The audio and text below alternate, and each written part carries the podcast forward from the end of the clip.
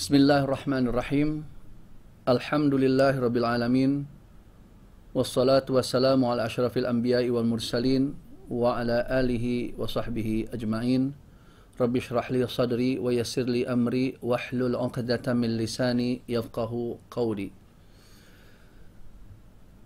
إخواننا المشاهدين وكذا الحضور هنا السلام عليكم ورحمة الله وبركاته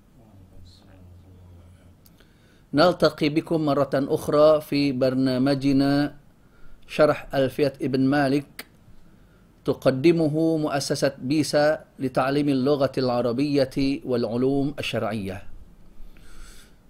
في هذا الوقت نريد أن نواصل حديثنا عن المعارف.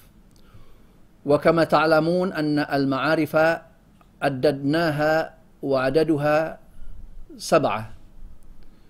الضمير ثم العلم ثم اسم الإشارة ثم الاسم الموصول ثم المحلى بأل ثم المضاف إلى هذه الأشياء الخمسة ثم إضافة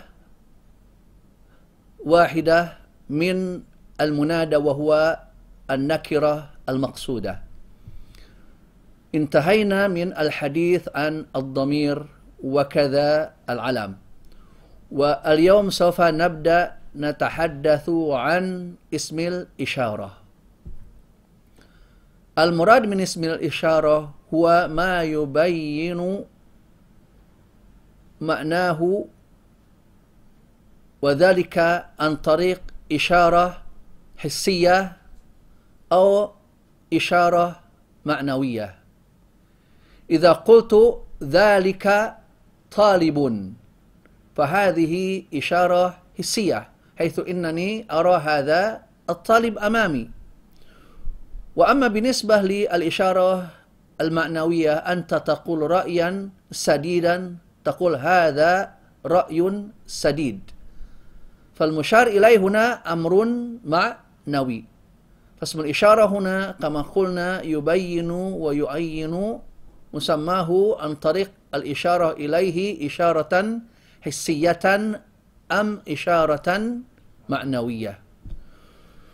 وبالنسبة لدراستنا لهذه الإشارة فيمكن أن نقسم الإشارة هنا إلى تقسيمين. التقسيم الأول ما يلاحظ فيه الإفراد والتذكير وفروعهما وهي خمسة أنواع. أولا ما يشار إليه مذكرا مفردا. تقول ذا. ذا كتاب. ذا قلم. وإذا كان المشار إليه هنا مفردا مؤنثا فنقول ذي وذه وذه وذه انظر هناك كلمات كثيرة مستعملة للإشارة إلى المفرد المؤنث. فنقول ذه وذه وذه ذه هذا بالتسكين وذه هذا باختلاس وذه هذا بإشباع. انظر كيف المثال من الاختلاس ذه كتاب ذه كراسة. ذه كراسة. والإشباع ذه قراشة كراسة. عفوا. ذه كراسة. ذه هنا ليس فيه مد طويل وإنما بين أو نصف المد نقول. فلذلك لا يدخل في السكون وإنما هذا نقول إنه إشباع حركة الكسرة هنا الآن. تقول ذه هنا بالسكون وذه هذا باختلاس وذه هذا بإش بإشباع. ثم نقول كذلك تي تي كراسة وكذلك نقول ته وته باختلاس وته بإشباع. وكذلك نقول ذات كراسة ذات كراسة. وقد تلاحظون هنا تلاحظون هنا أن الإشارة هنا إلى المفرد المؤنث كلمات كثيرة. ومرد ذلك هنا إلى الاختلاف في بعض اللهجات. ومع ذلك الكثير أن نقول ذي وذه وكذلك ذه وذه بإشباع. ثم كذلك يقول تي تي هنا مع المد. تي مع الياء. فلذلك مبني على السكون. تي كراسة. هذا النوع الثاني. النوع الثالث الإشارة إلى المثنى المذكر. فنقول ذاني كتابان. هذا في حالة الرفع. وفي حالة النصب والجر تقول رأيت ذين الكتابين. وفي حالة الجر أنظر إلى ذين الكتابين. فذين هنا للإشارة هنا في حالة النصب وكذلك في حالة الجر. وطبعا في هذه الحالة لا نقول إن في البداية إنما نقول ذا كتاب ذا هنا اسم إشارة مبني على السكون في محل رفع مبتدأ. ولكن بالنسبة للمثنى نقول ذاني كتابان فذاني هنا اسم إشارة مرفوع وعلامة رفعه الألف نيابة عن الضمة. لماذا؟ لأنه نقول ملحق بالمثن بالمثنى. ولا نقول إنه مثنى ذا. ولا نقول إنه مثنى ذا. ثم الرابع هنا الإشارة إلى المثنى المؤنث. نقول تاني كراستان هذا في حالة الرفع.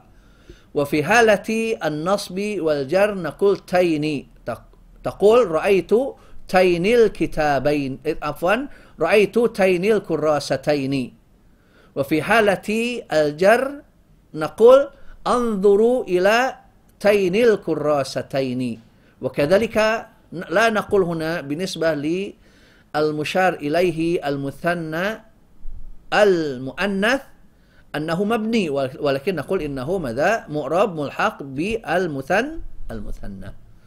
ثم الخامس هنا الإشارة إلى جماعة الذكور وجماعة الإناث. فنقول أولئك طلاب وأولئك طالبات. وفي الإشارة إلى جماعة الذكور وجماعة الإناث هناك لغتان مشهورتان. إحداهما لغة أهل الحجاز فنقول أولئك طلاب وأولئك طالبات بالمد. وهناك كلمة أخرى للإشارة إلى جماعة الذكور وجماعة الإناث فنقول أولى طالبات وأولى طلاب هنا بالقصر. والقصر هنا لغة بني تميم لغة أهل نجد عموما. فهناك لغتان بالنسبة للإشارة إلى جماعة الذكور وجماعة الإناث. وليس هناك تفرقة بين المذكر والمؤنث الجمع. فنقول أولئك طلاب وأولئك طالبات. كما نقول كذلك أولى طلاب وأولى طالبات. وكما قلنا المد هنا لغة أهل الحجاز وهي لغة القرآن. أما بالنسبة للقصر فهذه لغة بني تميم ونقول إنه لغة أهل نجد عموما. فهذه هي الأنواع التي يمكن أن نجدها في التقسيم الأو الأول وهو ما يلاحظ فيه الإفراد بمعنى ما يلاحظ في اسم الإشارة الإفراد والتذكير وفروعهما. وكما ذكرنا قبل قليل عددها كم؟ خم خمسة. الأول للمفرد المذكر الثاني للمفرد المؤنث. الثالث للمثنى المذكر والرابع للمثنى المؤنث ثم الخامس هنا لجماعة الذكور ولجماعة الإناث. ننتقل إلى التقسيم الثاني ما يلاحظ فيه المشار إلي إليه باعتبار قربه وبعده. ذهب الجمهور إلى أن للإشارة مرتبتين. المرتبة القربى والمرتبة البعد فللإشارة إلى القريب نقول ذا كتاب أو نقول هذا كتاب. وإذا كان للبعيد فنقول هذاك كتاب. ذاك كتاب أو ذلك كتاب. فنجد هنا بعض الأدوات المستعملة التي تلحق اسم الإشارة. الأول الهاء فهذه الهاء اسمها هاء التنبيه. فلذلك طبعا في دراستكم بعد معرفتكم لهذه اللغة عندما أقول هذا كتاب. أين اسم الإشارة؟ أنت لا تقول هذا اسم الإشارة والسبب في ذلك في قولنا هذا كلمتان. الأولى هاء التنبيه وهذا حرف لا محل له من الإعراب. ثم ذا هذا اسم إشارة لابد أن يكون له محل من الإعراب. ثم من الأشياء التي يمكن أن تكون مضافة إلى اسم الإشارة هنا الكاف. وهي تسمى كاف الخطاب. وكاف الخطاب هنا حرف وليس اسما. فلذلك كاف الخطاب هنا دائما لا محل لها من الإعراب. ثم من اللواحق التي تلحق اسم الإشارة كذلك هنا اللام التي يقال إنها لام البعد. بالنسبة لهذه اللام لا يمكن لهذه اللام أن تجتمع مع الهاء. وسنقرأ بعد هذا في ألفية ابن مالك. أما بالنسبة للكاف هنا يجوز أن تلحق اسم الإشارة مباشرة فتقول ذاك كتاب. ويجوز أن تكون معها هذه اللام فنقول ذلك كتاب. والمهم هنا في طريقة استعمال هذه الكاف. الغالب في استعمال هذه الكاف أن تكون موافقة للمخاطب.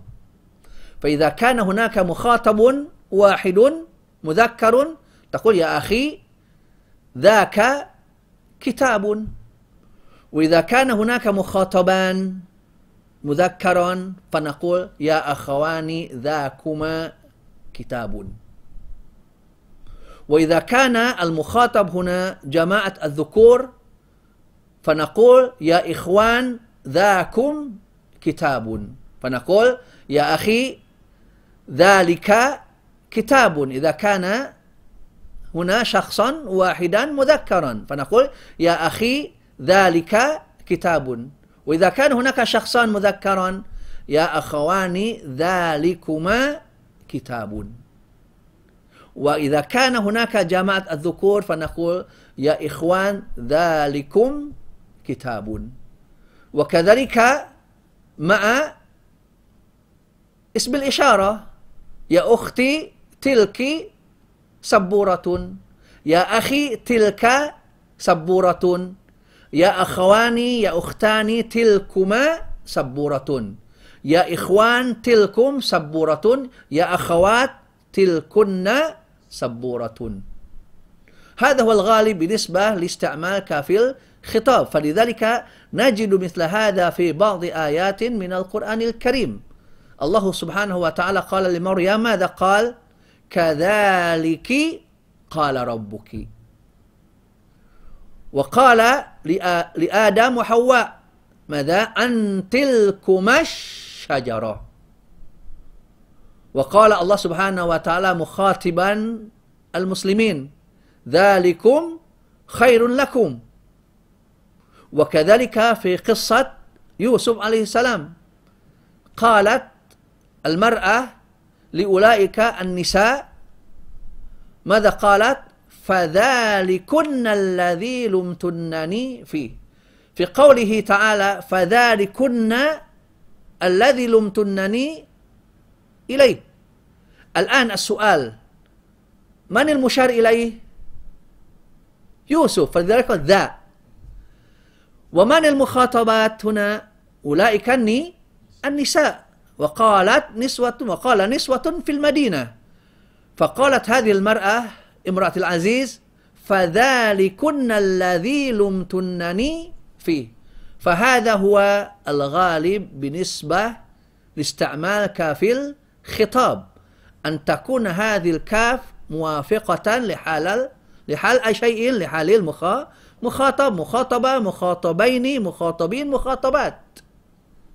ومن غير الغالب نقول يا أخي ذلك كتاب يا أختي ذلك كتاب يا إخوان يا أخوات يا رجال يا رجلان ذلك كتاب ولكن هذا من غير الغاء الغاء بمعنى في الاستعمال قليل بالقياس إلى المطابقة والكاف هذه كما قلنا ليس ضميرا وإنما هي كاف الخطاب وهي من الحروف وليست من الأسماء هكذا طريقة استعمال مدى كاف الخطاب فللإشارة إلى المكان البعيد فتقول يا أخي ذاك كتاب أو ذلك كتاب. يجوز لك أن تستخدم الكاف ويجوز لك ماذا؟ مع الكاف تلحق كذلك اللام فتقول ذلك. هذا للبعيد. وهذا الرأي هو الرأي الذي رآه ابن مالك وأنا أوافق على هذا. أما بالنسبة لجمهور النحويين فكانوا يجعلون الإشارة إلى ثلاثة مراتب. القريبة المرتبة القربى والمرتبة الوسطى والمرتبة البعدى. فيقولون بالنسبة للإشارة إلى القريب ذا وهذا. وللإشارة إلى المتوسط ذاك وهذاك. وللإشارة إلى البعيد ذلك. ولكن لابد من أن نعرف أن الإشارة هذه من الأمور النسبية. قد تراه بعيدا وأنا أراه قريبا. فلذلك التقسيم الذي رآه ابن مالك حيث إنه قسم الإشارة إلى مرتبتين فقط أنا أرى هذا الأمر. هذا من حيث الاستعمال. وأما من حيث الأسماء التي تستعمل للإشارة كذلك تؤيد هذا الرأي. فمثلا الإشارة إلى المثنى. مثلا إنما تريد أن تشير إلى المثنى المذكر. تقول ذاني كتابان. أو هذان كتابان. هذا لشيء للقريب. وإذا قلنا للوسط فنقول هذانك أو ذانك كتابان. إذا كيف يمكن الإشارة إلى البعيد؟ وسبب في ذلك لا يجوز دخول اللام هنا على اسم الإشارة للمذكر المثنى أو عفوا للمؤنث المثنى المثنى والمذكر كذلك المثنى فلا يقال ذانلك وإنما يقال ذانك فقط فهذا ما يؤيد ما ذهب إليه ابن مالك من أن للإشارة مرتبتين فقط لو كان هناك ثلاث مراتب. إذا كيف نشير إلى القريب والمتوسط والبعيد؟ إنما نريد أن نشير إلى المؤنث المثنى والمذكر المؤنث.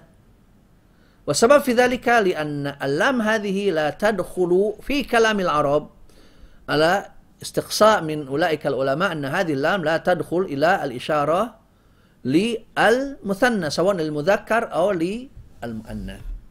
وكذا عندما نأتي إلى الإشارة إلى جماعة الذكور وإلى جماعة الإناث.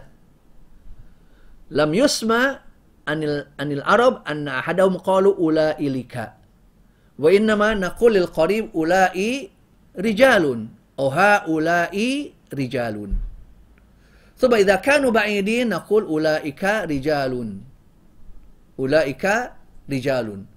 وإذا قسمنا الإشارة هنا إلى ثلاث مراتب. إذن كيف نشير إلى البعيد بالمتوسط؟ وسبب في ذلك لأن هذه اللام لا تدخل على ماذا؟ أولئك في لغة أهل الحجاز بل وكذلك في لغة أهل النجد. فيقال لي القريب أولاء وهؤلاء. تقول أولاء رجال وهؤلاء نساء.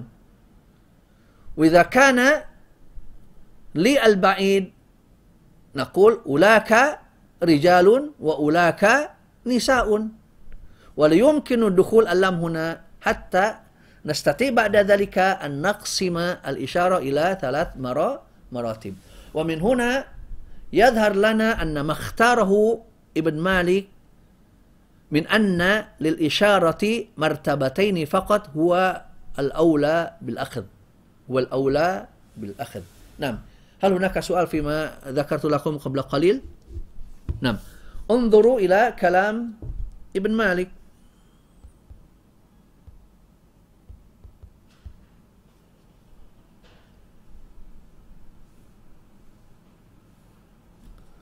اسم الإشارة بذال مفرد مذكر أشير بمعنى عندما نريد أن نشير إلى المذكر المفرد ذا. وبذي وذي تي تا على الأنثى اقتصر. بمعنى تقول ذي امرأة ثم ذي وكما قلنا في ذي هنا ثلاث لغات. لغة الإسكان فنقول ذي كراسة أو ذه باختلاس كراسة أو ذه بإشباع كراسة. ثم نقول كذلك تا كراسة ويقال كذلك تي وذات. هناك زيادة أخرى على مدى الإشارة إلى المفرد المؤنث. والأكثر في الإفراد ذه وذه وذه. وكذلك إذا كان مع اللام فنستخدم تي وأصله في كلمة تلك كراسات أصله تي ثم اللام كراسة. فالتقى هنا ساكنان. الساكن الأول الياء والساكن الثاني هنا ماذا؟ اللام. فإذا حذفنا هنا هذه الياء فنقول تلك كراسة. وأنبهكم مرة أخرى بالنسبة لاستعمال الكاف أن الكاف هنا هي كاف الخطاب وهذه الكاف ماذا؟ حرف ولا اسم؟ حرف. فلذلك نقول الكاف هنا لا محل لها من الإعراب. نعم. يقول هنا وذان تاني للمثنى المرتفع وفي سواه ذين تين اذكر تطع. بمعنى للإشارة هنا للمثنى مذكرا نقول ذاني وإذا كان المشار إليه هنا ماذا؟ مؤنث مثنى قلت تاني. هذا في حالة الرفع الرفع. وفي حالة النصب والجر فلذلك يقول ابن مالك وفي سواه ذين تين اذكر تطع. ثم بالنسبة للإشارة إلى جماعة الذكور وجماعة الإناث ليس هناك تفرقة بينهما وإنما يستعمل في ذلك اسم إشارة واحد فقط وهو أولى كما قلنا هنا أولئي هنا على على المد على لغة المد وأولى هنا على لغة القصر وكما قلنا المد هنا لغة أهل الحجاز. والقصر هنا لغة أهل نجد فنقول وبأولى أشر لجمع مطلقا والمد أولى. ثم ولد البعد انتقى بالكاف حرفا انظر بالكاف حرفا دون لام أو معه. واللام إن قدمت ها ممتنئة واللام إن قدمت ها ممتنئة بمعنى لا يمكن مدى الجمع بين هذه الهاء التي هي هاء التنبيه وبين اللام. فإذا بدأت باللام في الاختيار فلا يجوز لك أن تدخل على اسم على اسم الإشارة هنا ماذا؟ الهاء وبالكاف حرفا دون لام أو معه واللام إن قدمت ها ممتنعة. ثم بعد ذلك هناك شيء آخر وهو الإشارة إلى المكان.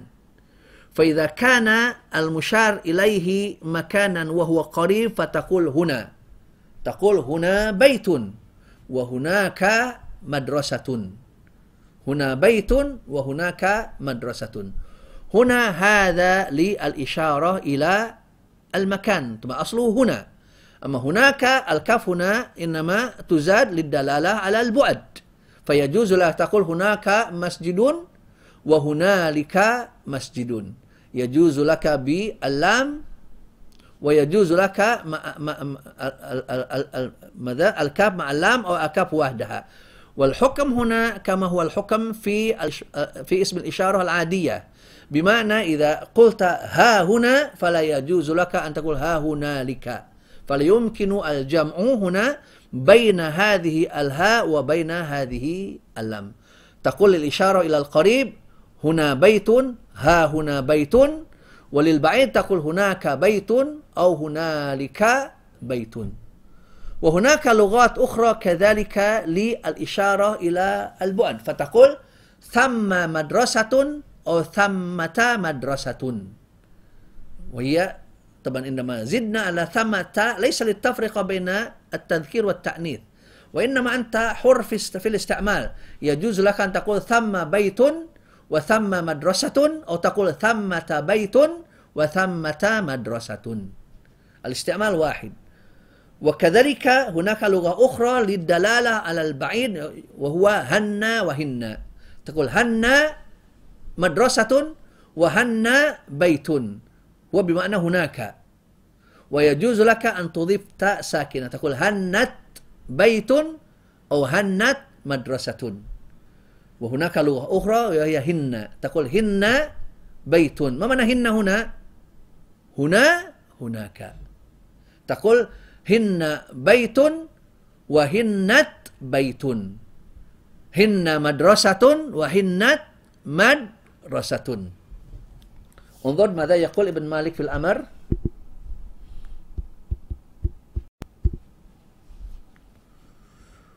وبهنا أو ها هنا أشر إلى دان المكان وبه الكاف صلة في البعد أو بثم فه أو هن أو بهنالك انطقا أو هنا فللإشارة هنا للمكان القريب هنا أو ها هنا. فلذلك يقول ابن مالك أشير إلى دان المكان.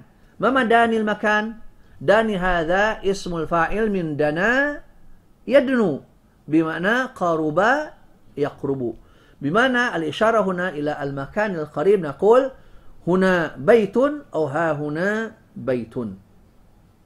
وبه الكاف صلة هنا في البعد بمعنى إذا أردت أن تشير إلى المكان البعيد تقول هناك وكذلك تقول هنا لك كما تقول كذلك ثم وثمت. وليس هناك تفرقة بالنسبة للإشارة إلى المكان بين المذكر وبين المؤنث وبين ماذا؟ المفرد والمثنى والجمع.